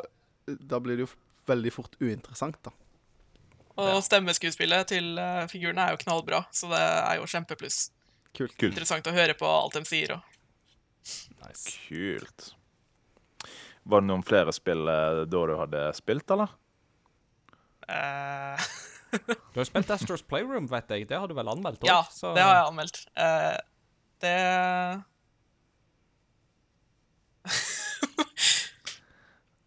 Nå datt jeg ut igjen. Skal vi se. Astros Playroom, det har jeg spilt mye. Anmeldte det Ja. og ga det ni av ti. Ja. Det også er uh, Spillet er jo gratis når du får en PlayStation 5, og alle får det gratis med konsollen sin. Eh, det også er jo et fullverdig eget spill som absolutt bør eh, spilles når du får konsollen. Kult. Um, plattformingen der er kjempegøy. Minner meg litt om uh, Super Mario Galaxy. Hey. Og tight. Um, Alle referansene der til PlayStation-historien. Ja. Veldig, veldig mange referanser. Og kjempekoselig å spille gjennom hele greia. Og musikken også er jo knallbra. Og Kult. jeg nynner jo fortsatt på mye av sporene der enda, Ja. selv om det er ganske mange uker siden jeg spilte det. Ah, Det er, det er så samme det er vel han samme komponisten der, tror jeg, som hadde um, Astrobot uh, Rescue Mission. Kenneth Ja, det stemmer. Um, mm. name? Uh, et eller annet på B, trodde jeg. Vi, vi har hatt det som uh, postludium en gang før, og det, det var Mm, veldig, riktig. veldig veldig kul musikk. mm. Men, Det var eh, da eh, Eirik var gjest, for øvrig, så det bør ikke overraske dere. altså. men, men er det litt sånn uh, Jeg syns jo designmessig er jo dette en PlayStation som er veldig annerledes fra de fire før. Sånn Hvis du skal tenke en sånn rekke, så vil jeg på en måte ikke Folk ble jo veldig overraska når de fikk se designet på den maskinen her. Den, det kom jo litt Ja. sånn fra, fra venstresida. Eh, men føles det som en naturlig evolusjon av PlayStation? Føles det som PlayStation, med liksom interface og, og tingene, eller føles det veldig nytt? Kanskje litt Eh, vanskelig å svare på. jeg føler i hvert fall enda at det er PlayStation. Og Ja. du får mye av den samme interfacen, bare litt mer moderne. Og ja, du får trophies som popper opp, og du får uh, alt det der eh, Alt som har med PlayStation å gjøre fra før av. Ja, kult. Mm. Det er godt at de har klart å bevare den tråden, at ikke det ble liksom Nå skal vi gjøre noe helt nytt. Veldig, veldig kult. Um, det, er, det er så bra med spill eh, som kommer til konsollen, sånn som Wii Sports, som bare er dønn bra, liksom. Ja. Ja. Og um, vi får jo se da om det klarer å outselge uh, Wii Sports, som er jo skyhøyt på uh, antall uh, copies. Mm. Men uh, skulle du si noe, Ingar? Nei da. Det var bare sånn mhm, Time will show. Men- Eh, Men det er jo litt fett. Eller jeg visste ikke at det var gratis, jeg. Det, jeg, synes, jeg er jo superfan av, av pack-in-spill. Og Mm. uh, eh, en av de som virkelig var i den leiren om at eh, One to Switch burde vært uh, fulgt med. Ja. At det er helt latterlig at det koster penger. Ja. som eh, Ja, det koster jo fortsatt. Ja, det koster det er jo ikke sant? Alt Nintendo lager, koster jo full pris til Altså, du får jo Weep-spill til full pris ennå, omtrent. Eh, sånn at eh, Nei, jeg syns det er veldig, veldig tøft. Det er jeg skikkelig fan av. At man får Mm. Spesielt når konsollen er så dyr òg. Det er liksom med Wii, at Mm. du betalte eh, 2000 kroner for en Wii, og så, og så fikk du med det beste spillet til Wii eh, Mm. i samme slengen, liksom. Det, det er en litt sånn der eh, En litt sånn glemt greie, syns jeg. Som er, det Ja. så det er veldig kult at PlayStation plukker opp den igjen. Mm. Og det blir jo bare gøy å følge katalogen til eh, PS5. Nå kommer jo Cyberpunk, men det er jo på en måte PS4. Eh, Når er det PS5-versjonen kommer? Er det til nyåret, det? Jeg tror ikke dato er satt ennå. jeg. Nei. Nei, ikke sant. Som- ikke som jeg har fått med meg. i hvert fall. Tror ikke vi skal stole på som noen litt- datoer som kommer i forhold til Cyberpunk. Nei. Det som imponerer meg i imponerende 2077, OK? Ja! Jeg så et fantastisk uh, klipp på, på Instagram i dag av en eh, lastebil, sånn, sånn crash test dummy-lastebil som var på vei mot en påle. Og det var liksom fra Mhm. masse vinkler, og så sto det This is like waiting for Cyberpunk 2077. Og den bilen krasja jo aldri. Bilen loopa jo bare. Det tok kjempelang tid før jeg skjønte at den bilen aldri kom til å treffe. Å, det er så deilig. Uh, men det som er imponerende, er jo Insomniac, som har uh, Spiderman-spill og Ratchet Clank uh, upcoming. Ja. Det virker jo som at det kommer ganske snart, og de eh, er jo virkelig en av bautaene som Sony kan lene seg på. Og de er jo Mhm. produktive og har alltid kvalitet, kvaliteten klar. Så mm, veldig imponerende. Skal vi sette en lite punktum med PS5 der, eller? Er det noe mer å, å ta der? Uh, jeg vil gjerne si én ting til med Ratchet, i hvert Mm. fall. Ja. Mhm, Fordi Gjerne. det er jo uh, et eksklusivt til kun PlayStation 5. Så det blir jo ikke laga til PlayStation 4 også. Mm. Og det eneste spillet jeg har spilt så langt eh, som er i samme stolen, da, det er jo eh, Astro og Demon's Souls. Ja. Og de to har jo vært knallbra sånn sett, og jeg tror eh, i Ratchet sitt, sitt tilfelle så er det en bra ting at det kun kommer til PlayStation 5, og at det ikke blir holdt tilbake Ja. av PlayStation 4 på noen som helst måte. ja, og ikke minst så teknologisk det, sett. Ja. Så det gleder jeg meg veldig til å få prøvd. Veldig, veldig kult. Takk, eh, Silje, for eh, at du kunne dele av din visdom uh, i dag. Uh, det store orakel. Um, da er jo spørsmålet, Ingar, hva er meningen med livet? Meninga med livet er ikke Xbox Series X, men det gjør iallfall livet veldig mye gøyere å pusle med i en mørk november slash desember anno 2020. Så da kan jeg fortelle litt om den, hvis dere vil. Gjerne det. Yeah. Uh, altså, en ting som du jo spurte Silje om, var jo hvordan Altså, føles det som en PlayStation? Altså, hvordan føles den i forhold til de forrige? Eh, og det er jo det første jeg reagerer på med Xbox um, Series X, er at uh, det føles egentlig som en gammel Xbox på mange måter, bare liksom et lite hakk høyere opp. Eh, så det føles som en slags Jeg har fått en liten oppgradering, men det føles fortsatt som at jeg er i den der uh, forrige generasjonen. For det er når okay. du starter opp eh, og du får interfacen og sånn, så er det veldig likt den interfacen du har hatt med mm, Xbox One-generasjonen.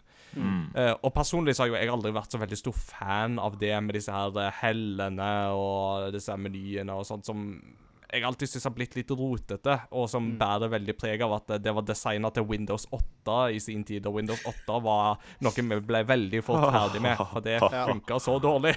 Yes. Eh, Men etter hvert så får du mulighet til å justere litt, da, og da åpner det seg litt mer. For du kan Altså, hvis du beveger deg i menyen bortover, altså um, vannrett, eh, så vil du alltid få liksom de siste eh, tingene du har brukt. Men så kan du òg da bla loddrett nedover, og der kan du legge til ting. Så hvis du vil, så kan du bare legge til hvert spill i, en, altså i den loddrette menyen nedover. Sånn at når du da beveger deg nedover, så kan du f.eks. sette alle spillene du har i alfabetisk rekkefølge eh, først. Eh, så det er det jeg har gjort nå, da. Eh, Ja. og, og, og da blir det veldig mye mer ryddig og systematisk. Så etter hvert som man får lekt seg litt, så eh, kjenner jeg at eh, hm, det er faktisk ikke så dumt, dette her. Kult, kult, kult. Eh, Det, det blir jo veldig spennende å se liksom sammenligninger av eh, de to etter hvert. Uh, litt sånn spillopplevelsene du har hatt, da. Kan du ta noen av de? Ja. Ja. Uh, nå har jo Xbox den svakheten at de har jo ingen av de store eksklusive titlene å skimte med, som kun kommer til Series på nåværende tidspunkt. Altså eh, PlayStation 5 har jo Demon Souls og Astro, som vi har snakka om, og har jo en del cross-platform-spill òg.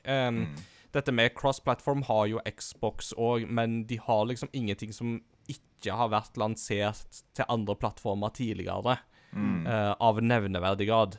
Uh, det nærmeste du kommer, er jo spill som Ori and The Will of the Wisp, uh, eksempel, som er en Microsoft-eksklusiv som kom til Xbox One, Ja. og som nå òg da du kan spille på Series X. Så det er det er jo en liten svakhet som de har da, som gjør at de stiller litt svakere. Men med det sagt, når du først booter opp f.eks. Ori and the Will of the Wisps, så er det crisp og clean og nydelig som dagen er lang, og det spillet har jo skrytt av masse eh, i podkasten tidligere og på Game Reactor. Eh, det er jo fortsatt en av mine sterkeste kandidater når Game of the Year skal kåres. Eh, Ja. Og med den nye Xboxen så får du virkelig fått det fram i all sin prakt, altså med 4K og 60 frames som kjører helt bunnsolid og HDR-fargeskaleringer og Ja, det var rett og slett nydelig. Og snakk om det med lastetider, så går det mye raskere på en Series. Så de òg har virkelig fått en framgang der som er merkbar, selv om den ikke er helt vekke, men den er merkbart raskere. Eh, Det er Mm.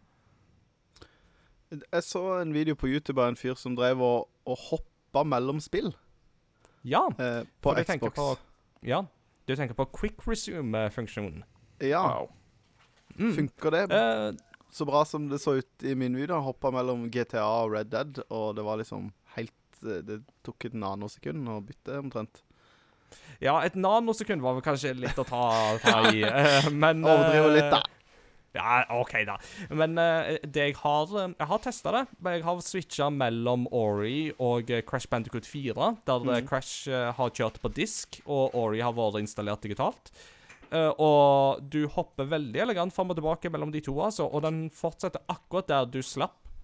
Eh, så når du vil i et spill, så kan du egentlig bare trykke på den Xbox-knappen på midten av håndkontrollen.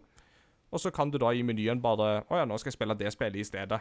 Og så kan du spille det. Og så var det bare sånn OK, nå er jeg ferdig med det. Nå vil jeg gå tilbake igjen. eh, og så spiller jeg det. Og det funka. Føles, føles det litt som å hoppe mellom apper på en iPhone eller en smarttelefon eller en Apple TV eller Ja, jeg vil si at det er en eh, brukbar eh, analogi. Eh, Det vil jeg si. Um, og det at den fortsetter der du slapp, og at du slipper å trykke på pause før du da liksom må bruke den funksjonen, eh, det er veldig deilig. At den bare pauser spillet for deg. Ja, Silje, hadde du Ja. uh, har du noen gang opplevd at uh, spillet du har gått ut av, uh, har hengt seg opp når du har prøvd å gå tilbake til det igjen? Nei, ikke ennå. Uh, men det skal sies at jeg har brukt den funksjonen veldig lite ennå. Uh, så det gjenstår jo å se om den er så bunnsolid og fungerer helt 100 smertefritt. Ja. Men det jeg har testa, funker veldig bra. Det som hadde vært gøy, var hvis det kom en del sånne MMO online-spill. Så kan du på en måte um, Hvis du må vente i spillet for å unlocke neste ting, eller noe sånt, så kan du på en måte switche til et annet MMO-spill. Eh, Spørsmålet er om du klarer å kjøre i bakgrunnen, da. Og eventuelt hvor mange spill som kan kjøre i bakgrunnen. Jeg tenker jo at uh, Xboxen har jo uh, funnet en måte rundt den mobilproblematikken du hadde med PlayStation 4, Silje. At uh, når du laster i ett spill, så kan du bare hoppe over i et annet, og så spille Ja. litt grann det. Altså. så. Men det er vel ganske ja, det- lignende på PlayStation 5, ikke? Hæ? Er ikke det lignende på PS5? At du kan hoppe litt? Uh, ikke som jeg har fått med meg, i hvert fall, men uh, spillene laster Nei. så fort at okay. det, det har ikke noe å si, egentlig. Ja. Nei, altså, Xbox, uh, nye Xbox har da fem spill du kan ha gående samtidig med den quick resume-funksjonaliteten. Eh, PlayStation har ikke det. Uh, så det er en sånn unik feature som Xbox kan stille med i denne Ja. generasjonen. Mm. Um, og eh, det var jo snakk om eh, Siden Red Dead ble jo tråkket inn som et eksempel, så er jo det et spill som jeg da har testa, med å gå litt tilbake til å teste hvordan det fungerer. Og det var sånn at der var jeg jo vant med at hver gang jeg starta opp det spillet for to år siden, så var det sånn OK, nå, nå rekker jeg å lese liksom fem sider, eh, fem artikler på NRK mens det laster. Sånn. Men da var det bare sånn Hæ, er det klart allerede? Det var, sånn, det var under et minutt, og så var det klart, altså. Og igjen. deilig. Det å få det spillet der presentert i helt stabil 4K 60 er så nydelig, altså. Det var Jeg satt med det så seint som i dag, og jeg bare Jeg slappa så godt av. Og det er sånn Jeg har liksom tenkt at eh, Red Dead Altså, nå når vi alle må sitte hjemme og ikke kan bevege oss masse, det er nå vi trenger den der eh, eh, simulatoropplevelsen av å være i villmarken og frie naturen. Og det var nesten sånn at jeg kjente lukta av trær og følelsen av vind og ja, Det var nydelig. Deilig. Jeg så i dag en eh, Kall det en meme. En Instagram-post om ei som eh, sendte inn screenshots fra Red Dead til den lokale værsendinga for sånne fine turbilder. Og, det, og da, var det et da var det en screenshot av at det var på TV. Det er jo testamentet til, til Rockstar på hvor pent det spillet er. Når eh, Ja. Og at det, faktisk er, kan lure noen, iallfall. Ja, ja. Og siden jeg spilte det spillet da det kom ut, så har jeg jo fått ny TV òg. Mm. Så det òg spiller jo inn, men eh, det er veldig merkbart. Og eh, det som jo Xbox er veldig, veldig god på, er jo dette her med eh, å tilby deg en god spillopplevelse, selv om du går tilbake i generasjonene. Eh, Så det er jo sånn at det forbedrer jo nesten presentasjonen til en del gamle spill med å gi det en HDR-støtte og sånt, helt tilbake til originale Xbox.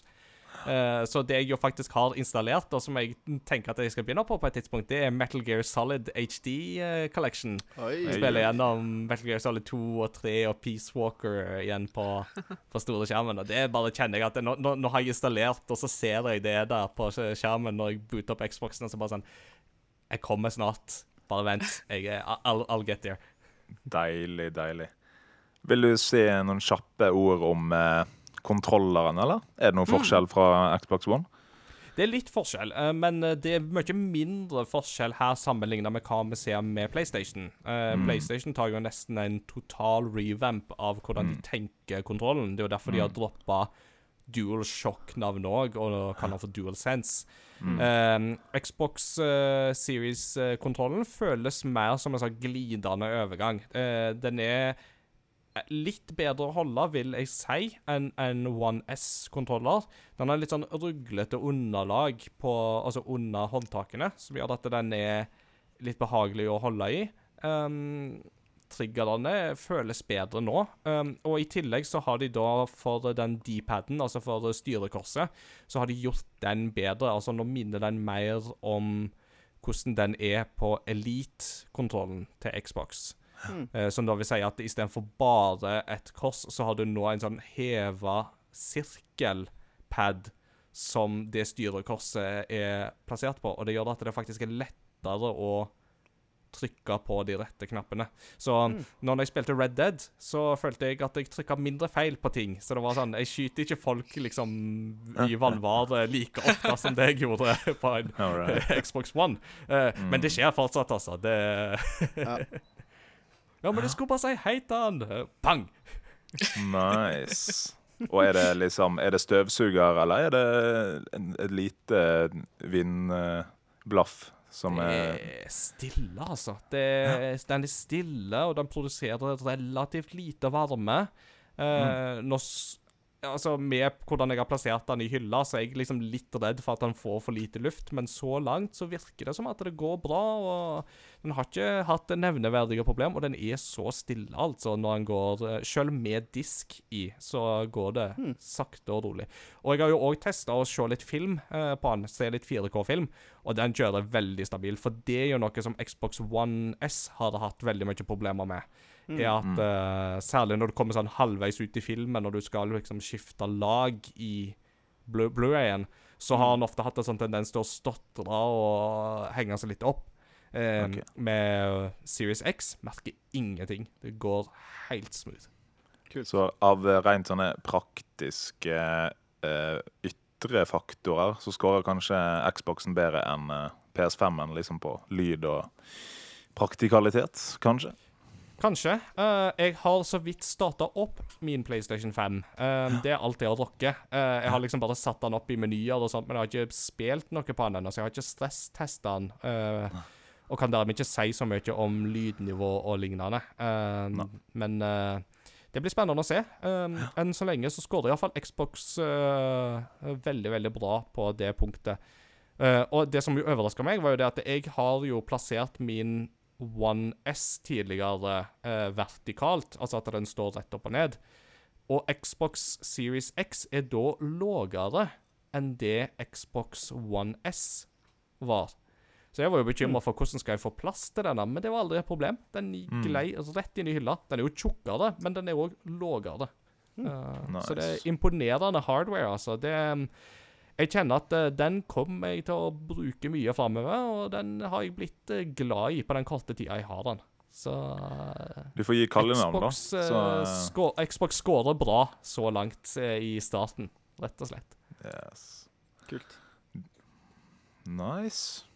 Mm. Da har jeg jo fått masse bra input. Er det noe mer du har vil si om det, Ingar? Av Ja, nei, ehm, nei, altså Crash Bandicoot 4 har jo snakka mer om i del 1 uh, tidligere i episoden, så jeg skal ikke gjenta meg sjøl altfor ofte. Uh, men uh, det igjen, altså det å ha en fin, smooth presentasjon på spillene som går kjapt og alt, altså det er en det er en lovende start, eh, og så blir det veldig spennende å se når de eksklusive spillene kommer, de som kun kjører neste generasjon, og få testa det der. Og ikke minst når vi etter hvert òg får se litt sammenligninger mellom PS5 og Xbox, eh, og se på performance eh, der. Det tror jeg kan bli veldig spennende. Hmm. Nice. Mm. Da er jeg fortsatt bare veldig glad på deres vegne, og ikke sjalu i det hele tatt. Det er Dette er en. Hebreke pachinko-kontroller til Super Nintendo.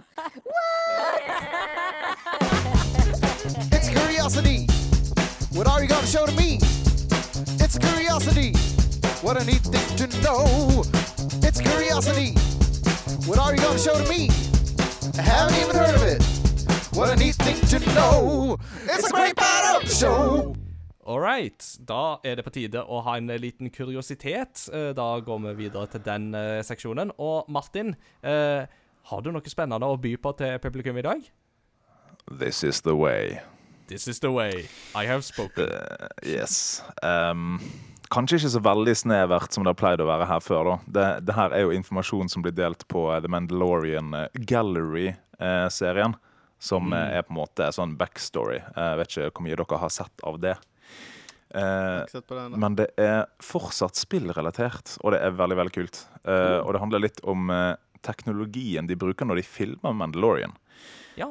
Um, for det de gjør, er at de bruker veldig lite green screen for å få til uh, praktiske effekter. Uh, for det de gjør, er at uh, på veldig mange av settene så har de på en måte en eh, ekte sirkel eh, med skuespillere og en del praktiske effekter. Men så, sånn ti meter i en sirkel bak der, så er det en sånn massiv søylevegg av LED-skjermer.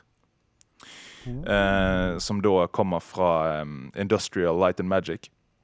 Yeah. Som er, også- de har brukt i mye annet òg, da.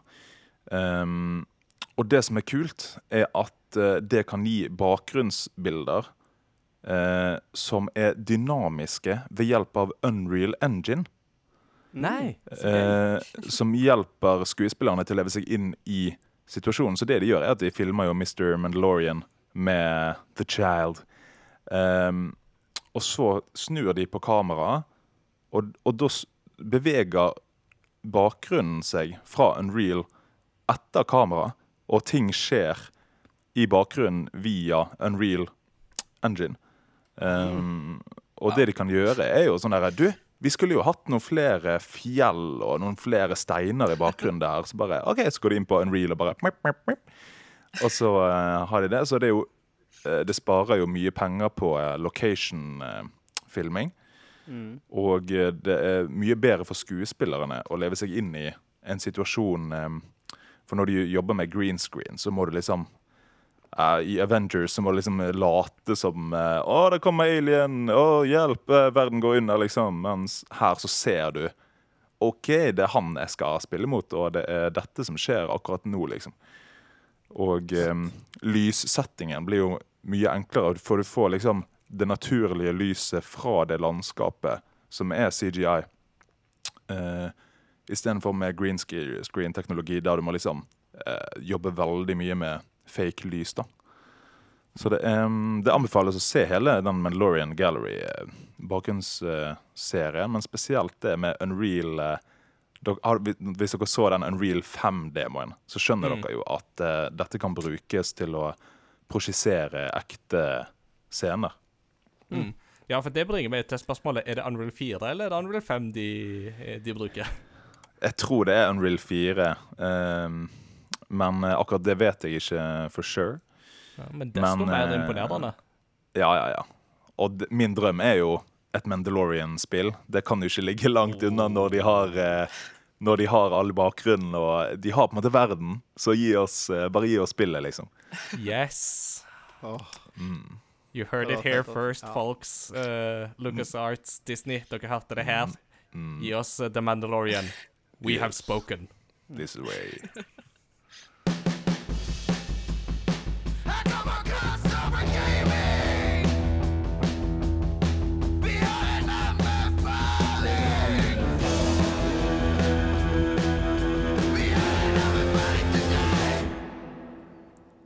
Og med det så skal vi ha litt anbefalinger. Og Silje, som gjest så syns vi at du må få lov å komme med noen anbefalinger. Og da kan du anbefale alt ifra cola til Demon Souls. Uh, the sky is your limit. Så hva har du lyst til å anbefale til lytterne i dag?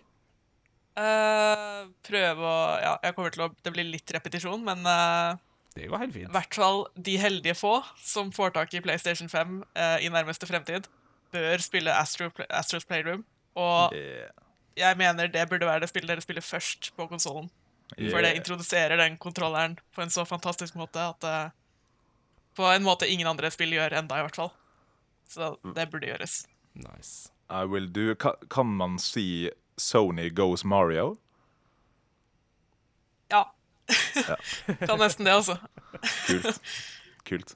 Kult. Og så vil jeg i hvert fall anbefale Demon Souls. Uh, selv om det kan virke skummelt og vanskelig og alt det der, så er det ikke så forferdelig vanskelig som folk mener at det er, og i hvert fall ikke Demon Souls, som er langt mindre komplisert enn eh, enn Dark Souls, for eksempel.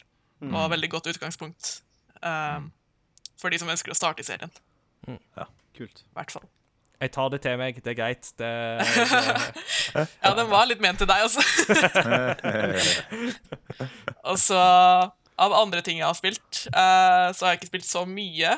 Men jeg har prøvd uh, Immortals Phoenix Rising i noen timer. Ja. Og kan absolutt anbefale det hvis dere likte Breath of the Wild. Fordi det er veldig, veldig likt det. Og, men det har en sånn helt annen humor. Og en historiefortelling som er unik, og spesielt for Ubisoft så er det her et veldig friskt eh, pust. Nice. Mm. Det er jo ingen her inne som liker Breath of the Wild, så jeg tror vi snakker feil publikum. Men, men likte dere Er det fordi våpna ble ødelagte? For eksempel? Jeg elsker det. Ironi tror jeg eh, alle elsker it. det. Jeg trodde, skulle, jeg trodde Ingar var er- seriøs og skulle si det er ingen her som liker Ubisoft. Jeg, bare, jeg var klar til å si sånn Ja, ja, ja. Bare vær forsiktig, så du ikke får sparken her nå, Inger. Ja, da, jeg skal være forsiktig. Jeg skal være veldig forsiktig. Nei, men eh, det er jo eh, Jeg har hatt veldig lyst til å prøve Immortals. eh, Gods and Monsters, som det jo egentlig heter. Helt til Ja. Monster Energy Drink kom og sa nei, dere får ikke lov å bruke Monster-navnet. Dere må skifte. What? Teiteste tingen å si. Okay, Det var faktisk eh, årsaken. Seriøst? Har de patentert ordet monster? Mer eller mindre, ja. At uh, det er sånn uh, Det var derfor Ubisoft måtte skifte. I hvert fall Om det skyldes at uh, Monster faktisk eier patentet på ordet monster, det vet jeg ikke. Men i hvert fall så kunne ikke Ubisoft bruke det, så da måtte de skifte. Skal de liksom ikke kunne hete Monster Hunter lenger, liksom? What? Nja, Monster Hunter var etablert tidligere, så derfor så tror jeg de slipper unna med det. Men uh... Oi, oi, oi. Kan jo ikke kalle ting lenger. nei. Det var, Så sånn var, det. var en sånn stor YouTube-fadese når noen prøvde å, å liksom eh, copyrighte React-videoer. Mm. Og det ble Ja, sånn det var jo disse her som lager Kids React og Teens Ja, ja, React ja. og De prøvde jo å, å sørge Men da handla det om at de skulle ha penger fra alle andre som lagde React-videoer. Og Ja. det fant, de Og, fant jo Du ehm, kan ikke copyrighte at folk reagerer. En menneskelig, en menneskelig uh, uh, naturlig ting å gjøre. Så det er sånn Ja, hver gang du reagerer, skal vi ha penger. Ja. Oi, oi, oi. Og, eh, og de som jo eier Candy Crush Saga, de gikk jo til sak mot uh, Banner Saga, uh, fordi de mente at ordet saga eier de. Så du kan ikke bruke ordet saga i et annet uh, spillnavn. Det er sånn lite saken- indie-selskap, liksom. Ja, den saken tapte de. Folk er så, så teite. Jeg tenker å patentere oksygen, jeg. Så hvis dere vil puste oksygen, så pay me. Nei, sorry, men den har Donald allerede tatt i historien om gullhjelmen, så den uh, ideen er allerede patentert. Så det kan du ikke gjøre. Hilsen uh, onkel Skrue, eller? Yes. Uh, men uh, sorry, Silje, nå sporer vi helt av. Uh, You think that's air you're breathing? Phoenix, Immortals Phoenix Rising eh, har du da anbefalt, og Demon Souls og Astros. Er det noe mer du har lyst til å anbefale når du først er i gang? Eh, ja, Hyrule Warriors uh, Age of Calamity. Hvis man, eh, hvis man liker eh, disse Muso-spillene, så er det absolutt verdt å prøve ut. Eh, jeg har ikke spilt det så mye, så jeg har ikke fått med, seg, med så veldig mye av historien enda, men gameplayet og eh, sånne ting er langt over forrige Hyrule Warriors, i hvert fall. Mm. Eh, veldig, veldig fint spill. Så langt, i hvert fall, av det jeg har spilt. Yeah, det var veldig gøy. All right. Det har vi jo, da har vi en fin liste der. Da er det litt på både um, PS5 og på Switch og på multiplattform. Uh, Immortals uh, Phoenix Rising er jo tilgjengelig på alt, så Ja. der kan man jo slå seg løs. Mm. Til og med på Switch, Mats Jakob. Ja, uh, jeg plukka opp igjen uh, det Golfs eh, 2K21 eh, PGA Tour, og eh, de lastetidene der er ganske vonde, så jeg tror ikke jeg skal prøve meg på et nytt, stort eh, open world-spill eh, på Switch. Det Nei, det, det gidder jeg ikke, ass. Nei, det skjønner jeg. Det skjønner jeg. Vi har da kommet til veis ende og skal da avslutte med et eh, postludium. Og Silje, som gjest så skal du jo få velge postludium, og jeg har sett at du har valgt deg ut et uh, fint eh, stykke i dag. Ja, fra Super Mario Land til Gameboy. Yeah. Første, første sangen der. Veldig oh. eh, Blant mine favorittstykker i spill eh, noensinne. Eh, Nice. Veldig, Veldig god musikk i det spillet generelt. Mm. Det var et uh, utsøkt uh, valg, syns jeg, og den musikken òg er veldig veldig bra. Den, den slo jeg opp. eh, den er det jo da Hirokazu Tanaka som har uh, komponert. Ja. Fra 1989. Mm. Yes. Koji Kondo eh, var ikke der da, nei. Nei, det var jo eh, en del andre folk som var involvert i det spillet. Så Gunpei Yokoi, for eksempel, var jo eh, blant annet ganske kraftig involvert i, eh, Mm. i utviklinga av det spillet. Ja. så Miyamoto sjøl var ikke med på det. Så det er derfor det spillet er litt sånn Litt weird, på en måte. Litt Ja. annerledes, litt rart. Vi, vi snakka jo en del om det her egentlig i det videre breie i Gameboy-episoden vår. Ja. Mm. Mm. Riktig. Så de som uh, vil ha litt mer om det, kan uh, sjekke ut den episoden. Mm. Yes. Yes, da var vi egentlig kommet til veis ende for denne episoden. Vi har snakka masse spennende om uh, nytt og gammelt. Silje, tusen takk for at du eh, tok tid til å være med og dele inntrykk fra PlayStation 5. Jo, selv takk. Det var gøy å være med. Yeah. Og Yes. eh, hvis folk vil ha mer av deg, så er det jo bare å gå på gamereactor.no. Da er det nyheter og uh, anmeldelser og artikler oppe i vente, så Ja. mm. Og der kan du til og med bra. lese Super Ingar. Super Ingar Galaxy. Ingardium Yes. Leviosa. Yes. Fine greier.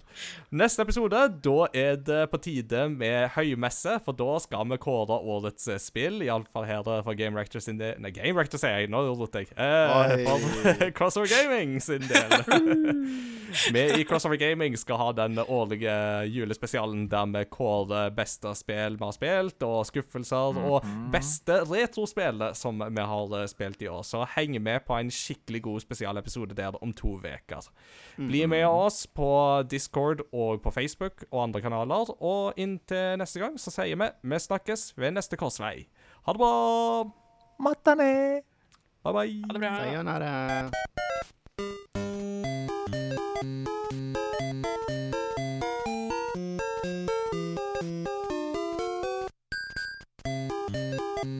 you.